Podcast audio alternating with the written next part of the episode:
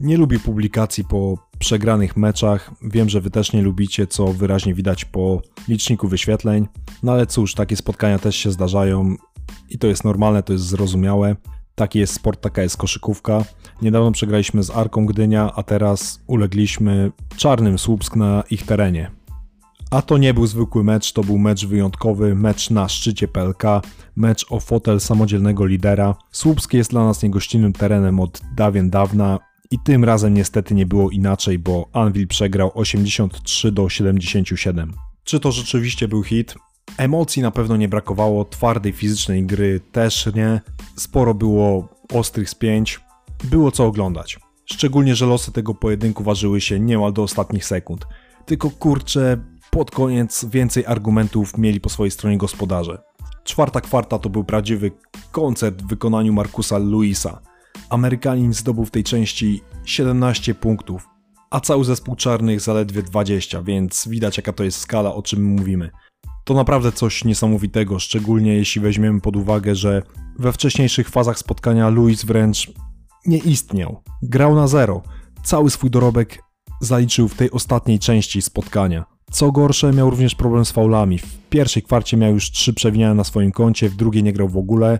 W połowie trzeciej dorobił się czwartego, no i został na dłuższy czas uziemiony, ale wrócił na czwartą kwartę i nie potrafiliśmy go wyeliminować, nie chcieliśmy nawet, nie skupialiśmy się na tym, no i to się na nas zemściło. Można powiedzieć, że ten Luis wziął nas w obroty, potańczył z nami tak, że nie wiedzieliśmy co się dzieje. Te jego wjazdy na kosz i takie udawane rzuty, pompki, na, który, na które nabierali się nasi obrońcy, najczęściej kończyły się punktami tego gracza. Za trzy w ważnym momencie też potrafił przymierzyć i trafić. No po prostu zabawił się z nami. Zabawił się z nami w przykry dla nas sposób. Tak to wyglądało. Zacząłem od końca, więc czas wrócić do początku, który był całkiem udany w wykonaniu Anwilu, bo nie brakowało w naszych poczynaniach koncentracji, takiego pełnego skupienia i zaangażowania po obu stronach parkietu. Takie granie dało nam prowadzenie 4 do 15 i mogło napawać pewnym optymizmem. Wszystko wyglądało dobrze, dopóki nasza pierwsza startowa piątka była na parkiecie. Szczególnie ważnym ogniwem był Ziga Dimec. Wręcz do znudzenia pchaliśmy piłki do naszego potężnego środkowego i to przynosiło korzyści, bo Mikołaj Witliński nie był w stanie pod względem fizycznym zatrzymać Słoweńca. Odbijał się od niego jak piłka od ściany. Ziga w pełni to wykorzystywał. Jeśli sam nie punktował, to stawiał te swoje mocarne, potężne zasłony, które ułatwiały grę kolegom. Było dobrze, ale mam wrażenie, że problemy zaczęły się, gdy obie ekipy zaczęły rotować składem. Wtedy coś u nas siadło. Anwilowscy zmiennicy nie potrafili utrzymać tej koncentracji, tego skupienia, tej intensywności, a z kolei trener Mantas Cesnauskic widział, co jest grane i szukał złotego środka. I tutaj dużo dało wprowadzenie Kalifa Younga, zupełnie innego podkoszowego niż e, Mikołaj Witliński, bardziej dynamicznego, bardziej skocznego i bardziej dla nas niebezpiecznego, bo dostawał kilka takich lotek nad kosz, które potrafił efektownie, dynamicznie kończyć, a nasi podkoszowi mogli tylko z niedowierzaniem patrzeć w górę. No i takim sposobem ten mecz zmienił swoje oblicze. My nie wyglądaliśmy tak dobrze jak w pierwszych minutach, a czarni wyglądali coraz lepiej, nabierali rozpędu oraz odpowiedniego tempa.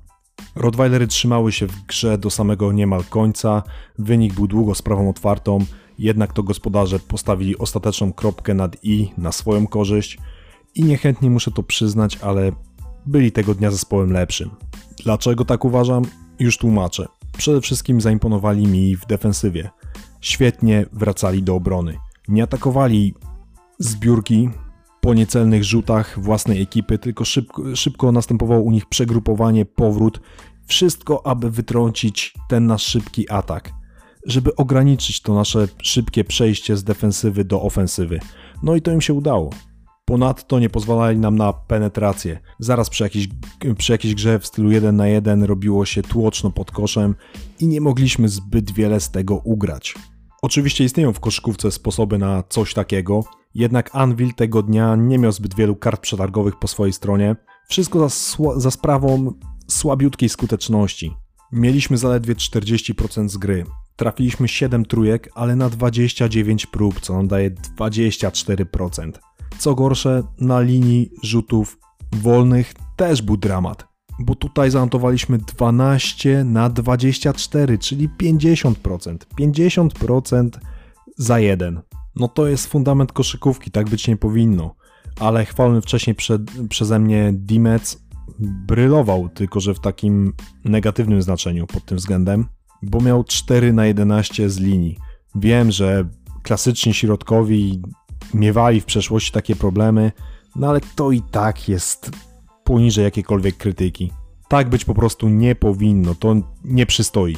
Gdyby wpadła nam jedna, dwie trójki więcej, gdybyśmy byli bardziej, chociaż odrobinę, skuteczni na linii rzutów wolnych, to ten mecz wyglądałby zupełnie inaczej.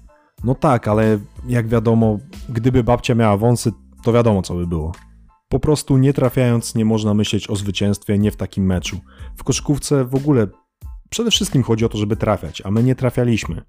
Jeśli spojrzymy na te mankamenty naszej gry, jeśli dodam, dodamy do tego dobrą defensywę czarnych, to często mieliśmy obrazki takie, że atak Anwilu był męczarnią. Przypominał czasami uderzanie głową w mur, taki bez pomysłu, wymuszony, sztywny. Z kolei gospodarze mieli o wiele większą płynność w tym elemencie, wiele ich akcji wyglądało na dobrze wypracowane i wiele było takich rzutów, które mogły spokojnie wpaść, ale na nasze szczęście nie wpadały. W szeregach Anwilu zabrakło mi takich typowych liderów, którzy przewieźliby nas na swoich plecach podczas tej niezwykle ciężkiej przeprawy. Kendall Dykes na pewno próbował i całkiem nieźle mu to wychodziło. Zanotował 16 punktów, dorzucił 8 zbiórek, 3 asysty, jednak nie potrafił wzbić się na taki wyższy poziom, na taki kosmiczny poziom, którego tego dnia bardzo, ale to bardzo potrzebowaliśmy.